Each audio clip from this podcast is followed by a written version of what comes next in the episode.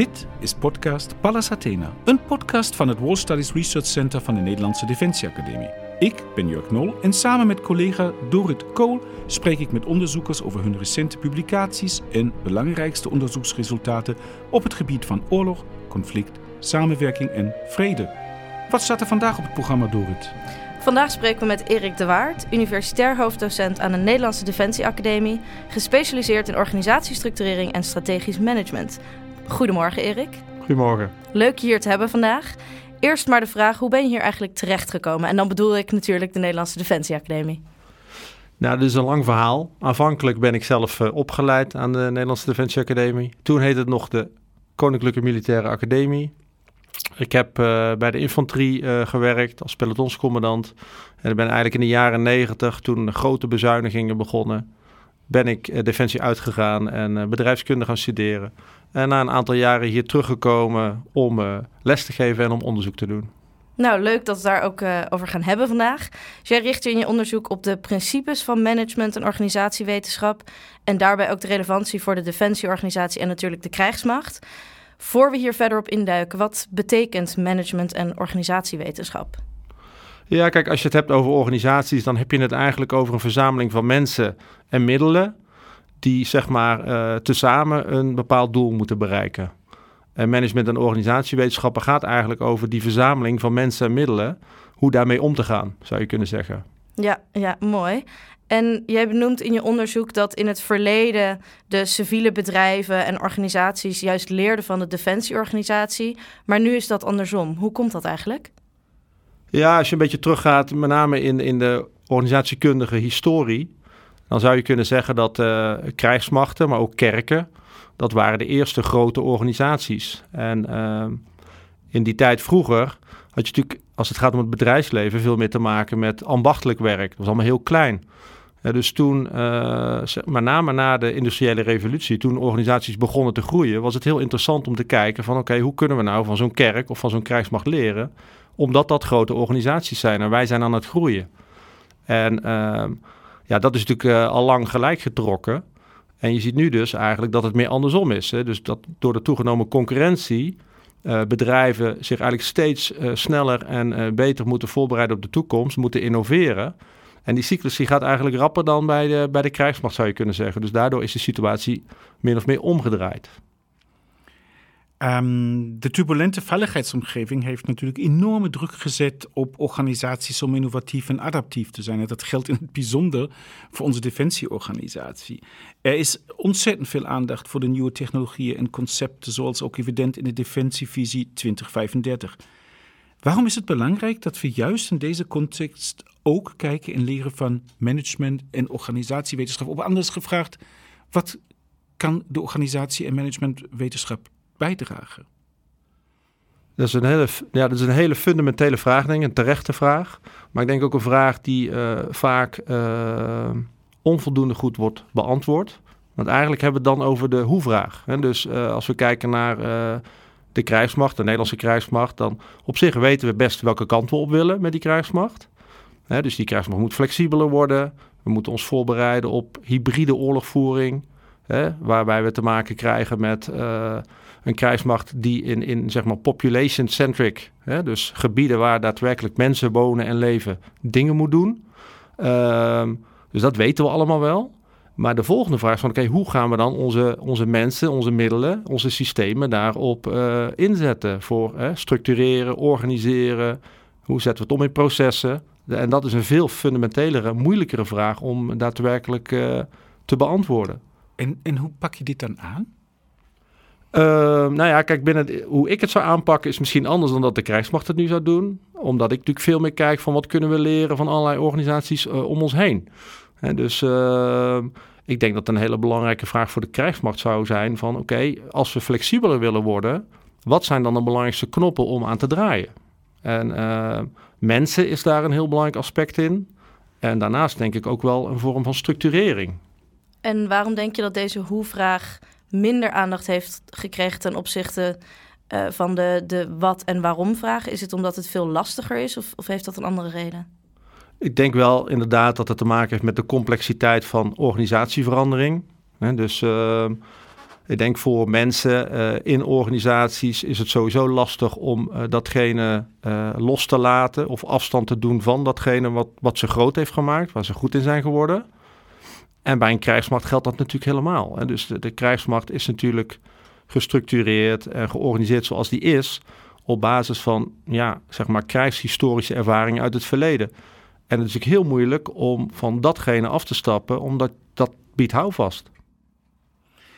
Ja, en, en je hebt natuurlijk altijd over die vergelijkingen van het is vaak zijn die organisaties echt van die grote vliegkampschepen die maar heel moeilijk of tankers die maar heel moeilijk van koers kunnen veranderen. Wat zie jij, en dan in de context van jouw eigen onderzoek en werk, heel leuk dat je daar ook iets over vertelt, uiteraard, als de grootste uitdaging als het gaat om innoveren binnen de krijgsmacht?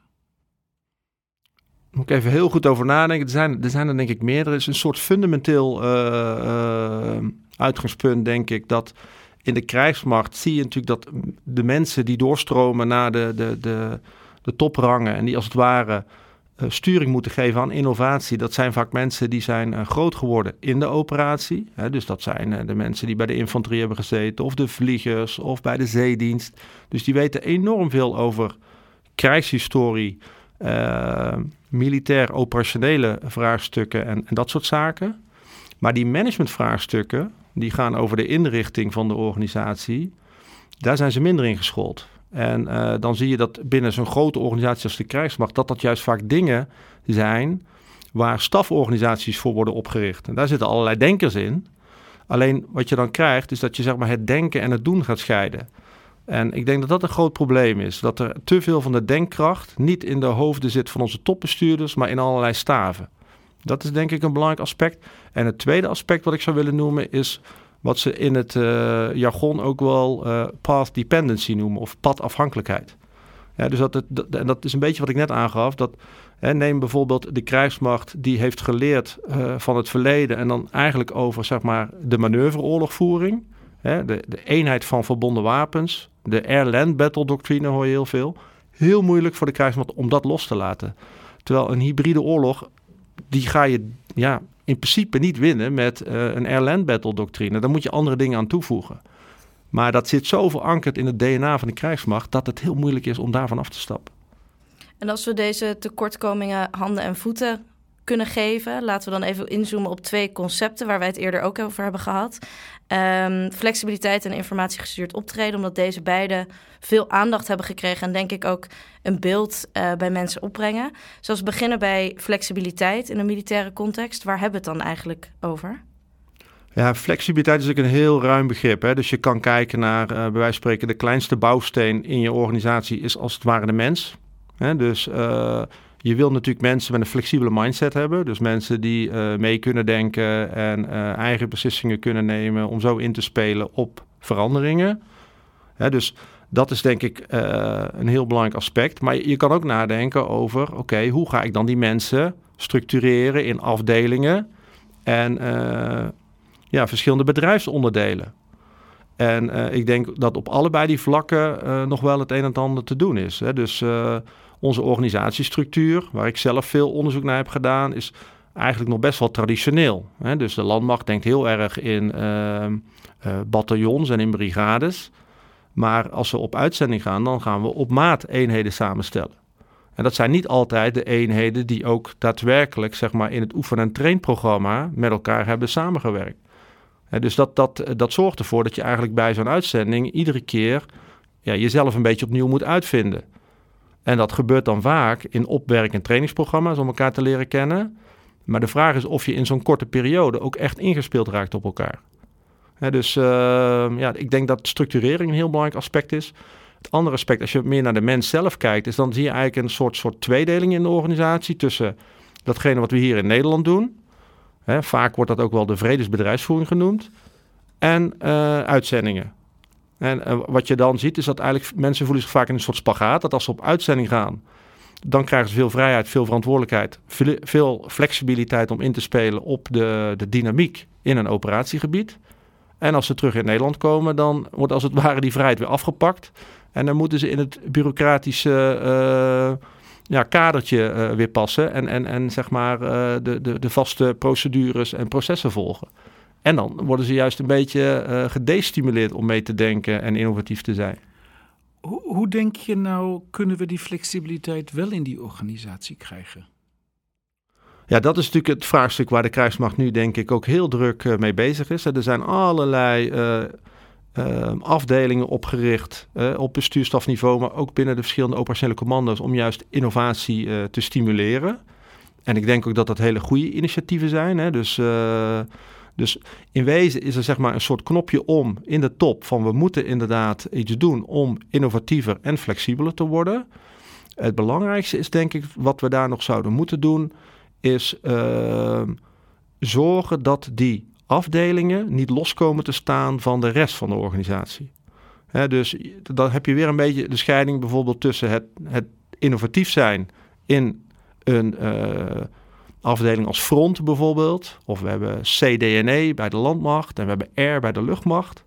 Dat, dus, dat, moet je wel een beetje uitleggen, denk ik ook, deze begrippen straks nog eventjes. Ja, Front is eigenlijk een afdeling op het niveau van de bestuurstaf die uh, innovatie in hun portefeuille houden, he, uh, hebben. Um, en als je kijkt naar de landmacht, hebben ze CDNE, Concept Development and Experimentation, ook een innovatieafdeling, maar dan binnen de landmacht. Bij de luchtmacht hebben we Air, ook gericht op innovatie. Maar het nadeel daarvan is dat je als het ware innovatie gaat neerleggen in een afdeling en het daarmee uh, los komt te hangen van de rest van de organisatie. En ik denk dat daar uh, zou de organisatie heel slim na moeten denken van hoe kunnen we nou zorgen dat die initiatieven die daar worden bedacht en worden ontplooid, dat die ook beter hun weg vinden naar uh, de, de operationele commando zelf. Hè? Dus dan heb ik het ook echt over de, de parate eenheden. Die oefenen en trainen en, en zeg maar zich moeten voorbereiden op uh, inzet. En als we denken over concepten, dan kunnen we vaak op de korte termijn al allerlei mooie ideeën bedenken. Maar als we kijken naar organisatie en structuur, moeten we denken in de lange termijn. Dus hoe kunnen we die twee samenbrengen, zodat zowel de concepten veranderen als de organisatie en daar geen ja, gaten tussen komen? Ook een hele leuke vraag. Ja, door mijn hoofd schieten een beetje twee uh, antwoordrichtingen. Maar kijk, uh, Defensie heeft al een beetje geëxperimenteerd met, uh, met een concept uit de bedrijfskunde. En dat heet ambidexterity. Dat is eigenlijk tweeledigheid. En dat is eigenlijk een beetje. Uh, dat gaat uit van het idee van dat een organisatie moet goed kunnen functioneren in het heden. En dus dat is als het ware, je moet kunnen exploiteren, uitbuiten van datgene waar je goed, goed in bent in het nu. Maar je moet ook tegelijkertijd bezig zijn met exploreren. Hè? Dus dat is nadenken over de toekomst onderzoekend, innovatief zijn om daar uh, op lange termijn ook je bestaansrecht mee te garanderen. En het combineren van die twee, dat, daar staat eigenlijk iedere organisatie voor. Of nou Defensie is of uh, het bedrijfsleven. En uh, ik denk dat het voor Defensie juist heel interessant kan zijn om dat soort concepten goed te bestuderen. En dan uh, te vertalen naar de eigen context. Je kan dat nooit één op één hetzelfde doen bij ieder bedrijf. Maar wat ik als onderzoeker een interessant aanknopingspunt vind. En dat geef ik ook uh, nadrukkelijk aan, omdat ik zelf natuurlijk ook bij de infanterie heb gezeten. Ik, ik weet enigszins hoe die, hoe die processen in elkaar zitten. Maar wat een krijgsmacht uniek maakt ten opzichte van het bedrijfsleven, is dat een krijgsmacht vaak in een cyclisch proces opereert. Van oefenen, opwerken, inzet. En je komt weer terug en je gaat weer oefenen, opwerken voor mogelijke inzet en je wordt weer ingezet. In het bedrijfsleven kennen ze dat helemaal niet. Het bedrijfsleven is als het ware continu in concurrentie. Die, die, die, die doen niet aan oefenen. dus die moeten als het ware altijd uh, bezig zijn met wat doet de concurrent om mij heen en hoe moet ik daarop inspelen. Eigenlijk zou je kunnen zeggen dat een krijgsmacht heeft die luxe wel. Die hebben wel een bepaald blok in tijd waar ze uh, zich kunnen voorbereiden op de daadwerkelijke taak waar ze voor zijn.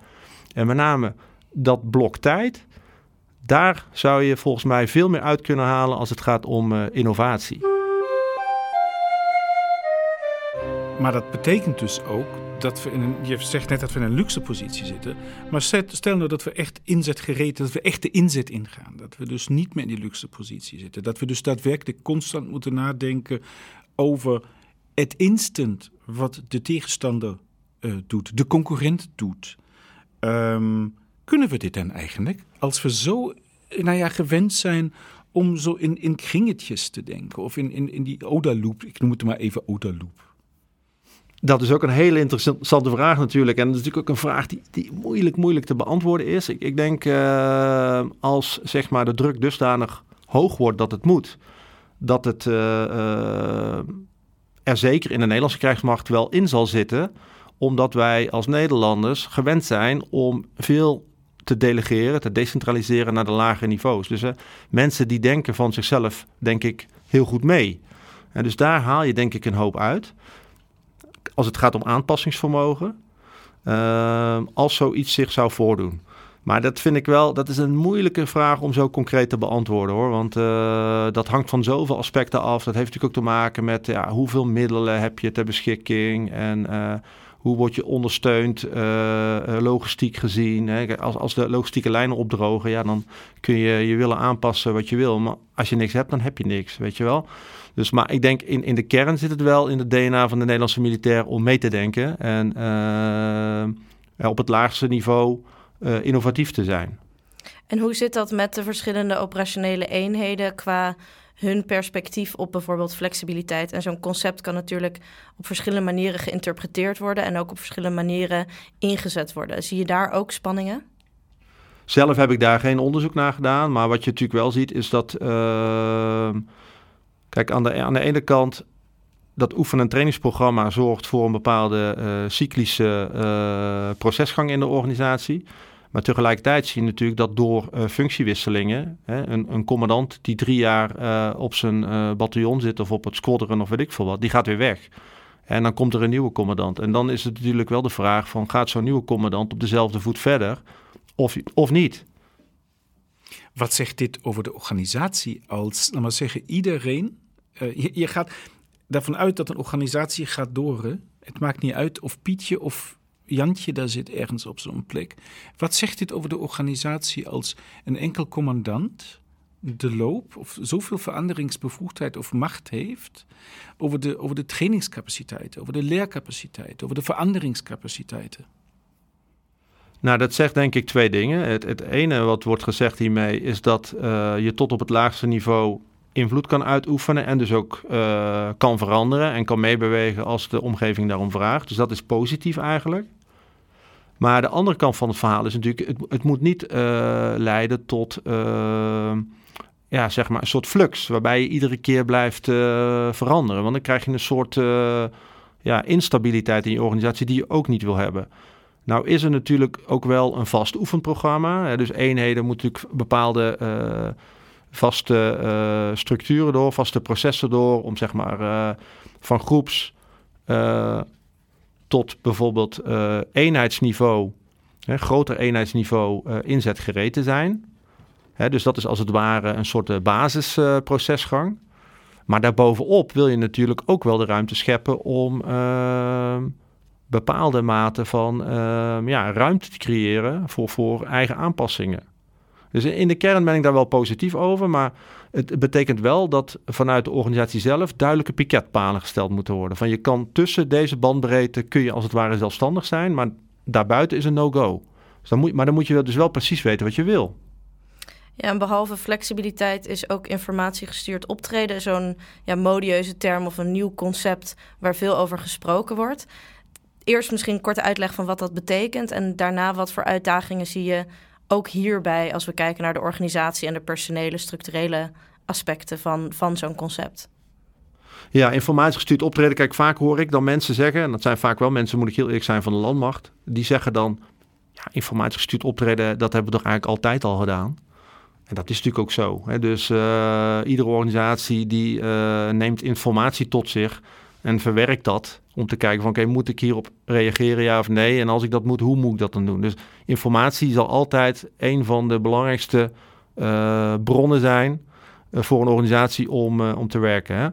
Alleen als, als je het hebt over IGO, informatiegestuurd optreden, wat, wat je nu in de Defensievisie 2035 terug ziet komen en ook in allerlei beleidsstukken van de verschillende operationele commando's, dan gaat dat eigenlijk over het vraagstuk hoe zijn wij in staat om uh, meer voordeel te halen uit de wapensysteemplatformen die we hebben. maar ook gewoon de informatiesysteemplatformen die we hebben, hè, waar uh, organisaties eigenlijk niet meer onderuit kunnen. En die ook een steeds belangrijker aspect vormen van de operationele ruggengraat van de organisatie. Hoe kunnen we nou die informatie uh, zo gaan gebruiken dat we niet zozeer anticiperen, maar eigenlijk veel meer proactief vormend kunnen zijn. En dus je kan informatie gebruiken om uh, te kijken wat gebeurt er om mij heen en hoe moet ik daarop reageren. Maar je kan informatie ook zeg maar dusdanig gaan doorgronden dat je uh, patronen ziet die vernieuwend zijn, waardoor je zeg maar de omgeving, het landschap waarin je dingen wil doen, naar je hand kan zetten. En dat is, dat is eigenlijk het vraagstuk waar het om gaat. Hè? Dus hoe kunnen we informatie uitbuiten om uh, de omgeving naar onze hand te zetten. En dus een stapje voor te zijn op uh, de tegenstander, op de concurrentie, hoe je het wil noemen. En, en daar zit wel een vernieuwing in. Hè? Dus dan heb je het eigenlijk over uh, hoe gaan wij patronen herkennen in de data. Ehm, in een enorme brei aan data die vanuit allerlei systemen en hoeken op ons afkomt. Maar is, is dit de kern? Zijn data de kern van IGO, van informatiegestuurd optreden? Of wat is eigenlijk de kern? Ik denk dat wel het begint met data. Alleen data moet je natuurlijk omzetten naar uh, informatie, om dat vervolgens om te zetten in intelligence, actionable, waar je echt iets mee kan. Dat is eigenlijk het vraagstuk. Alleen je, je hebt dan natuurlijk bijvoorbeeld operationele data, maar uh, je kan ook denken aan, uh, nou denk aan de F35, uh, dat is natuurlijk een vliegende computer. Hè? Dus die, de data kun je ook gebruiken om je onderhoud en de instandhouding van het systeem uh, zo slim mogelijk in te regelen. Hè? Dus dat dat gewoon uh, zo goed wordt uitgezocht dat dat vliegtuig minimaal aan de grond hoeft te staan, dat je het maximale uithaalt. Hè? Dus je kan kijken naar de operationele kant en, en data, maar ook uh, allerlei ondersteunende processen die je veel slimmer kan inregelen waardoor je zeg maar uh, efficiënter wordt. En ook slimmer en sneller bent eigenlijk. En wat betekent dat deze verandering of zo'n nieuw concept dan concreet voor de organisatie? Dat je aan de ene kant ziet meer data en meer informatie helpt ons ook om die omgeving beter te begrijpen. Maar het betekent natuurlijk ook dat we heel veel meer te verwerken hebben. En dat kan met zich ook heel veel complexiteit meebrengen. Ja, ten eerste is denk ik het vraagstuk van informatiegestuurd optreden uh, anders per operationeel commando. Hè, dus ik noemde net de F-35. Uh, dan hebben we het eigenlijk over de luchtmacht. Een luchtmacht is natuurlijk een zwaar technologisch uh, gedreven operationeel commando. Hetzelfde geldt eigenlijk voor, uh, voor de marine, zou je kunnen zeggen. Zelf doe ik nu veel onderzoek bij de Marseillais. En dat is natuurlijk weer een ander vraagstuk. Hè? Dus daar zie je rondom het, rondom het grensproces ook steeds meer automatisering plaatsvinden. En uh, daar gaat het eigenlijk om hè, bepaalde daderprofielen. Hè. Dus hoe haal je uit al die data, het Schengen-informatiesysteem, uh, bronnen van, van, van Europol, Interpol, hoe haal je daar nou de gegevens uit, zodat je kan voorspellen van oké, die persoon heeft misschien kwade zin uh, hè, als die ons land binnenkomt. Een heel ander vraagstuk. Kun je nog meer voorbeelden noemen van jouw onderzoek naar de marechaussee? Want jij, de hele tijd heb je het over inderdaad de luchtmacht, de landmacht, de marine. Maar inderdaad, jouw expertise sinds enkele jaren is natuurlijk als universitair hoofddocent uh, bij de marechaussee. Nou, wat ik, wat ik heb gedaan, hè, dus ik, zat, ik werkte eerst bij bedrijfswetenschappen en keek ik zeg maar naar uh, managementvraagstukken generiek voor de krijgsmacht. En ik ben me meer gaan toeleggen op de Marseillais. Eigenlijk ook omdat ik dat een organisatie vind waar heel veel interessante organisatievraagstukken spelen. Vergroting, informatiegestuurd optreden, innovatie, hè, bijvoorbeeld future borders. Hè, dus hoe gaat het grensproces van de toekomst eruit zien? En, uh, maar als we inzoomen op IGO en de Marseillais, wat, wat ik heel interessant vind, is eigenlijk dat het enerzijds vraagt om een hele andere manier van werken. Hè, want uh, om die data uh, zeg maar te ontleden en om daar patronen uit te halen, heb je data-analysten nodig. He, dus dat zijn slimme mensen die uh, gaan kijken van wat zit hier nou uh, in die data, wat zijn potentiële daders, wat zijn bepaalde patronen. En vervolgens moeten die dataprofielen of die patronen, die moeten dan worden overgebracht naar de mensen in de operatie. En die moeten daarop gaan handelen dus de mensen in de operatie die eerst leidend waren, die bij wijze van spreken zelf op basis van hun uh, kennis en expertise ehm, de taken uitvoerden, worden nu meer volgend. En het interessante is dat eigenlijk moet het een soort cyclisch proces worden ook. Hè? Dus waarbij data-analisten profielen ehm, maken. Die profielen vormen de basis voor het werk van de marge C aan de grens. Maar doordat die C werkt aan de grens, doet hij weer ervaring op. Uh, leert die dingen over die profielen. En die moet weer terug uh, vloeien, als het ware, die informatie naar die data-analisten. En dan wordt als het ware die data-analyst weer meer volgend. Hè? Dus het is heel interessant dat je aan de ene kant uh, leidend volgend, leidend volgend. Hè? Dus je ziet dat die operatie en de sturing van de operatie die moeten op een hele mooie manier met elkaar samenkomen. En dat is, dat is een moeilijk proces. Hè? Dus, uh, en, en daar zitten ze nu eigenlijk middenin. Van hoe gaan we dat met elkaar goed inregelen? En hoe zit het met bijvoorbeeld veiligheid van data en gebruik van bepaalde informatie? Dat, ik kan me voorstellen dat dat voor de marechaussee anders is dan voor bijvoorbeeld de lucht- of de landmacht, die vaak toch internationaal opereren en de marechaussee ook te maken heeft met nationale belangen en nationale data. Ja, kijk, heel veel van de data, zeker bij de Marse C, uh, ja, valt natuurlijk onder uh, wet en regelgeving. Hè? Dus wat je er wel mee mag en wat je er niet mee mag. Hè? Dus dat, dat, is natuurlijk een belangrijk aspect. Hè? En uh, daar, moeten ze, daar moeten ze rekening mee houden. Dus je kan niet zomaar al die data ontginnen. Je kan niet zomaar al die data onbeperkt bewaren. Je kan het niet zomaar delen met anderen. dus dat, dat, dat zijn allemaal aspecten die erbij komen kijken. Het grensproces van de toekomst. Ja, dat is natuurlijk eigenlijk, dat heb je net zelf aangesproken, aangestipt. En daar willen we natuurlijk ook graag meer van weten. Wat is het, of wat wordt het grensproces van de toekomst? Nou, dat is ook een heel leuk uh, vraagstuk natuurlijk om over na te denken. We zijn allemaal uh, mensen die uh, reizen, dus iedereen weet wel hoe het is om op een vliegveld te staan. Ehm, de, laatste jaren is natuurlijk met name Schiphol niet echt positief in het nieuws, omdat de, rijen daar veel te lang zijn. En eigenlijk zou je kunnen zeggen dat het grensproces van de toekomst wil eigenlijk uh, twee dingen. Zorgen voor veiligheid. Dat, dat mogen duidelijk zijn. Hè? Dus je, je wil niet dat mensen met kwade bedoeling het land inkomen. En dan hebben we het over met name de georganiseerde uh, misdaad, maar ook over het dreiging van terrorisme bijvoorbeeld. Maar tegelijkertijd wil je ook de, de goedwillende reiziger een fijn en prettig uh, reisproces uh, geven. Hè, dus ik denk, ja, er zijn volgens mij cijfers voor, maar van alle, van alle reizigers is, wij spreken 99% een, uh, een bona fide reiziger. Hè, dus daar hoef, je, daar hoef je eigenlijk niks van te vrezen. Maar daar gaat heel veel energie zitten in die beveiliging om die slechtwillenden eruit te halen. Nou, dat is eigenlijk iedere keer het spanningsveld. Hè. Dus als we nou naar de toekomst gaan kijken, dan is toch het idee dat door uh, automatisering en slimme systemen, maar ook door uh, in te gaan zetten op een digitale identiteit, uh, het grensproces als het ware efficiënter te maken.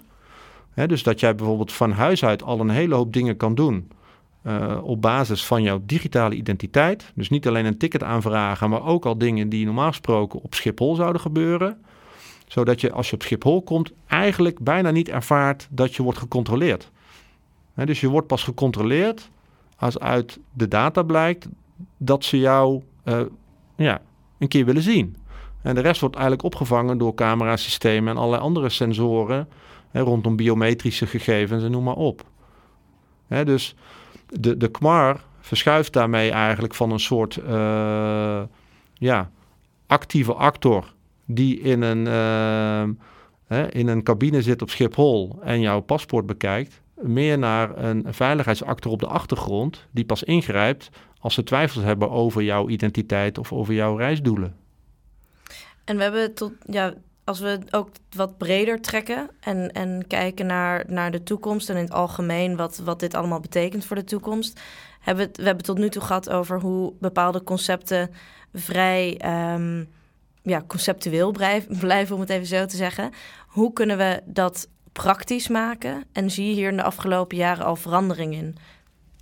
Uh, nou ja, wat ik al zei, er zijn binnen de krijgsmacht tal van innovatieafdelingen opgericht. Hè. Dus er wordt daadwerkelijk uh, veel tijd en energie gestopt in uh, innovatieve projecten. En die zijn natuurlijk ook veel. Nou ja, ik noemde net Future Borders, dat, dat is er eentje. Hè. En dat is, een, dat is een proces wat aan de ene kant door de KMAR zelf wordt geïnitieerd, maar aan, aan de andere kant natuurlijk ook binnen de EU en met name binnen Schengen een belangrijke ja, impuls heeft gekend. Ehm, maar hetzelfde geldt natuurlijk binnen de landmacht als we kijken naar de, de, de raseenheid. Hè, dus uh, voor de autonome systemen. Daar, daar, zie je natuurlijk dat de landmacht mee aan het oefenen is. dus er gebeuren tal van dingen. Uh, maar wat ik al, wat ik al aangaf, ik, ik denk eigenlijk dat uh, de tijd als het ware rijp is om ehm, de kleinschaligheid moet er vanaf. Weet je? Het moet fundamenteler worden, het moet breder uh, binnen de organisaties ingebed worden. En uh, ik denk dat bedrijfskunde kan daarbij helpen. En niet zozeer omdat nou eh, de theorie alles is. Nee, het gaat er juist om dat je die theorie voor je laat werken. Dat je denkt van wat weten we nou al? En als we dat en dat en dat weten, hoe kunnen wij daar dan ons voordeel mee doen? En dat, en dat zijn vragen die kan alleen de organisatie zichzelf stellen. En ik denk dat er voldoende mensen zijn in de organisatie. Hè, dat kunnen mensen zijn uh, operationeel, in de staf, uh, die zoveel kennis en kunde hebben. Alleen dat moet gewoon slimmer aangewend worden. Er moet minder in uh, afdelingen worden gedacht. En er moet meer in het samenbrengen van kennis en expertise worden gedacht. En, ja, en hoe doe je dat? Ja, ja, uh, ja hoe doe je dat? Uh, kijk, neem nou uh, het vraagstuk waar we vandaag de dag tegenaan lopen. We zien allemaal dat de organisatie flexibeler moet worden. Ehm, daar zijn natuurlijk allerlei ideeën over wat gebeurt er om ons heen op veiligheidsgebied. Hè? Dus, en, ik noemde net al hybride oorlogvoering bijvoorbeeld. Tegelijkertijd kan je ook niet zeggen van ja, hybride oorlogvoering, maar dat betekent nog steeds wel dat we ook met hè, grotere gemechaniseerde eenheden dingen moeten doen.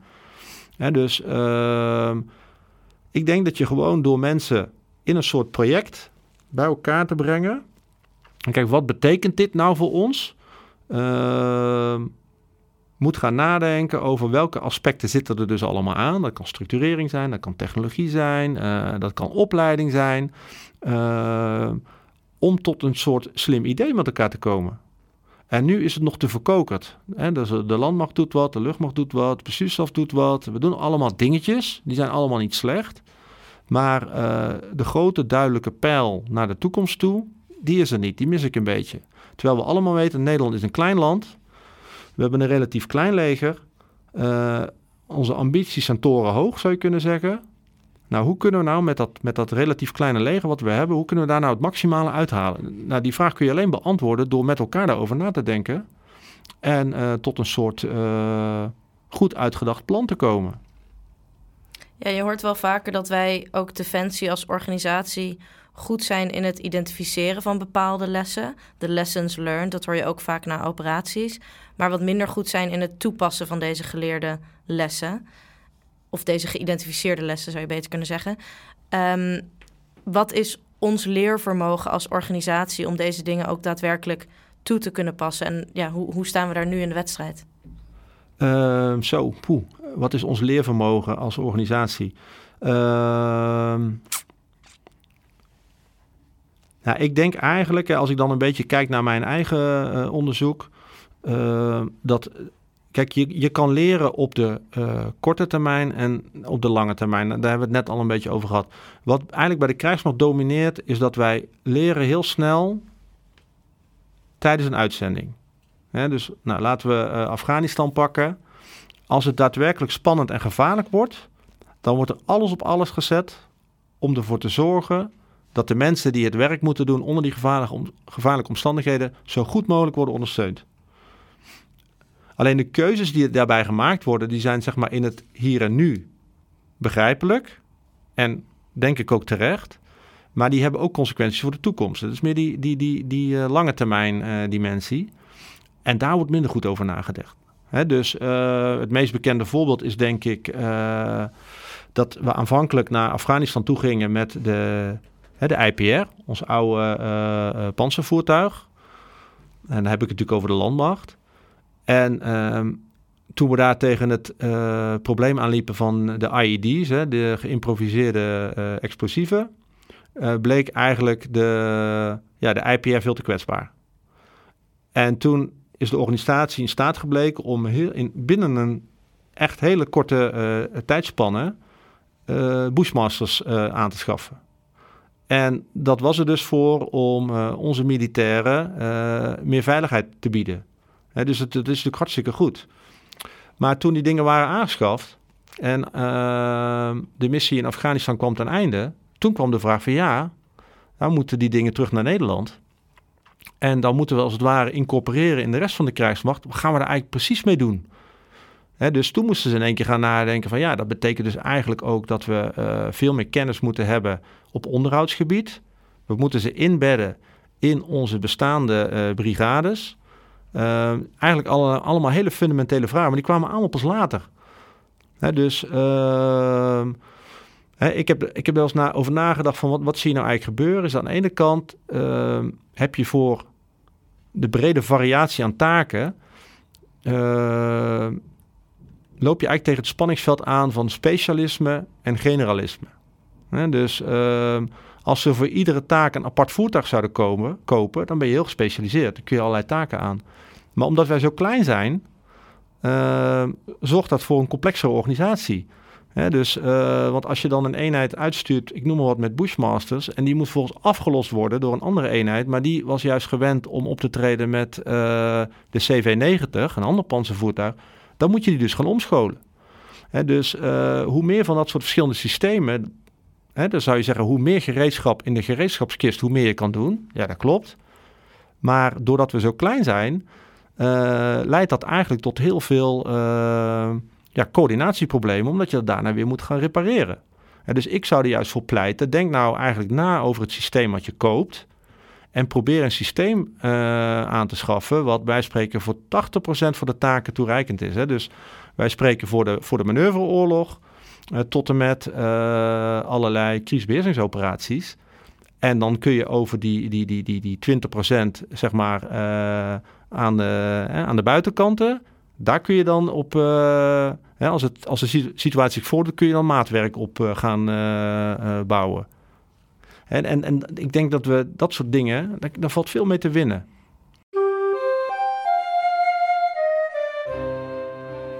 Heel, leuk, heel leuk dat je het voorbeeld noemt van de Bushmaster. Want daar hopen we uiteraard ook nog met onze collega's van de logistiek door te praten over de, het, het, het aanschaftraject. Paul van Venema en Tom van Kampen.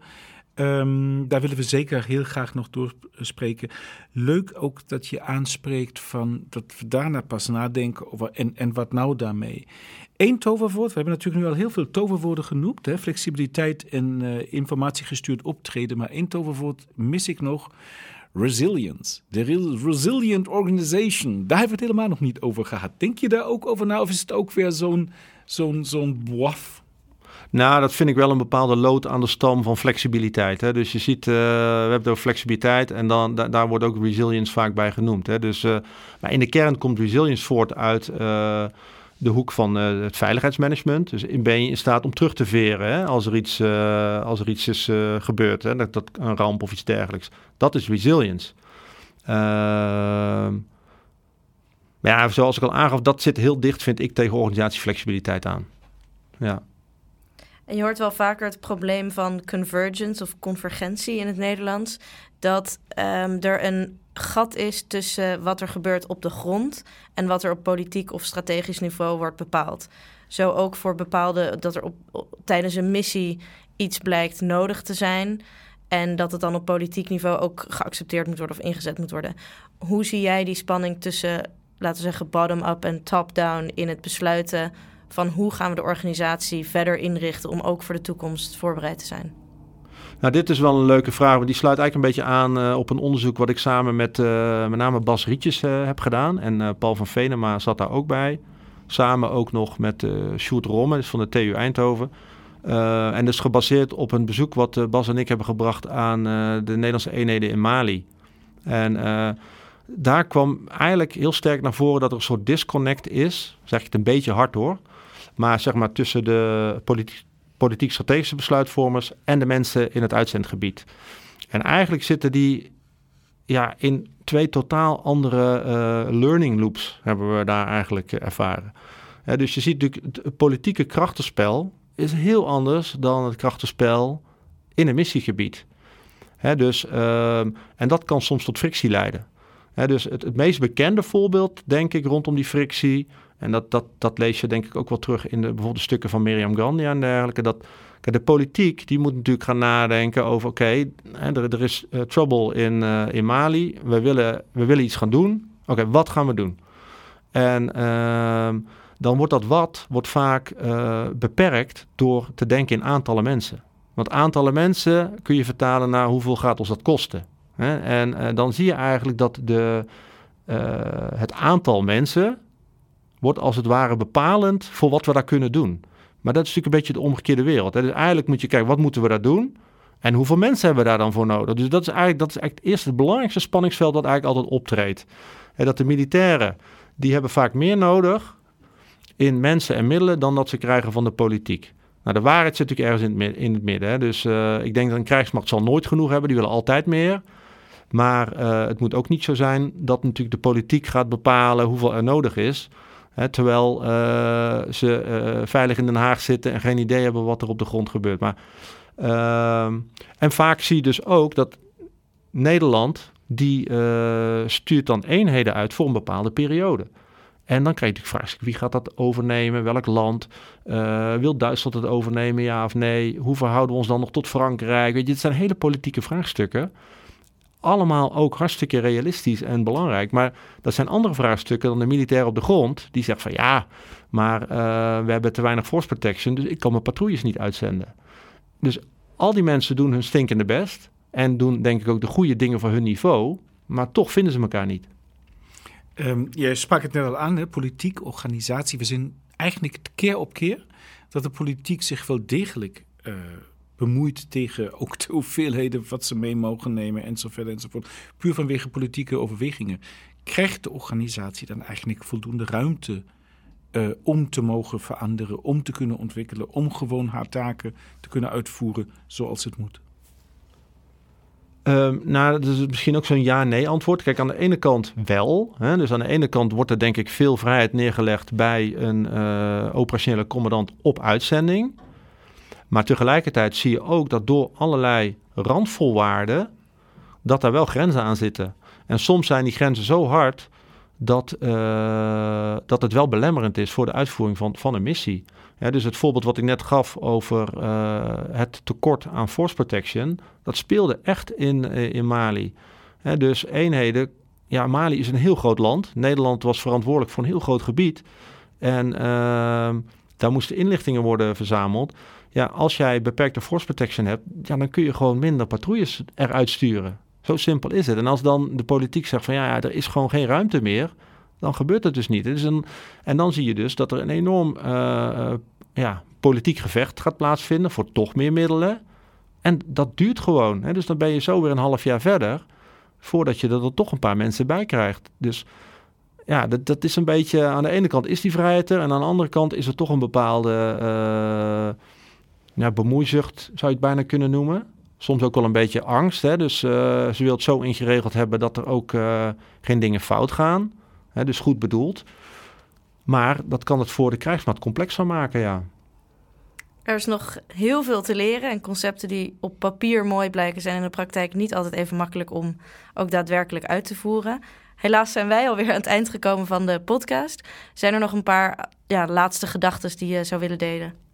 Nou, misschien, uh, kijk, uh, we zijn vaak uh, geneigd om negatief te praten, omdat het is allemaal, het gaat te langzaam en het is niet goed genoeg. Maar tegelijkertijd zou ik wel willen zeggen dat de verandering die de krijgsmacht heeft ingezet, eigenlijk na, wij spreken, de val van de Berlijnse muur, als je die krijgsmacht van toen vergelijkt met nu, is er natuurlijk in die jaren heel, heel, heel veel gebeurd. Hè? Dus, en dat wil ik ook benadrukken. Het zijn natuurlijk hele moeilijke vraagstukken.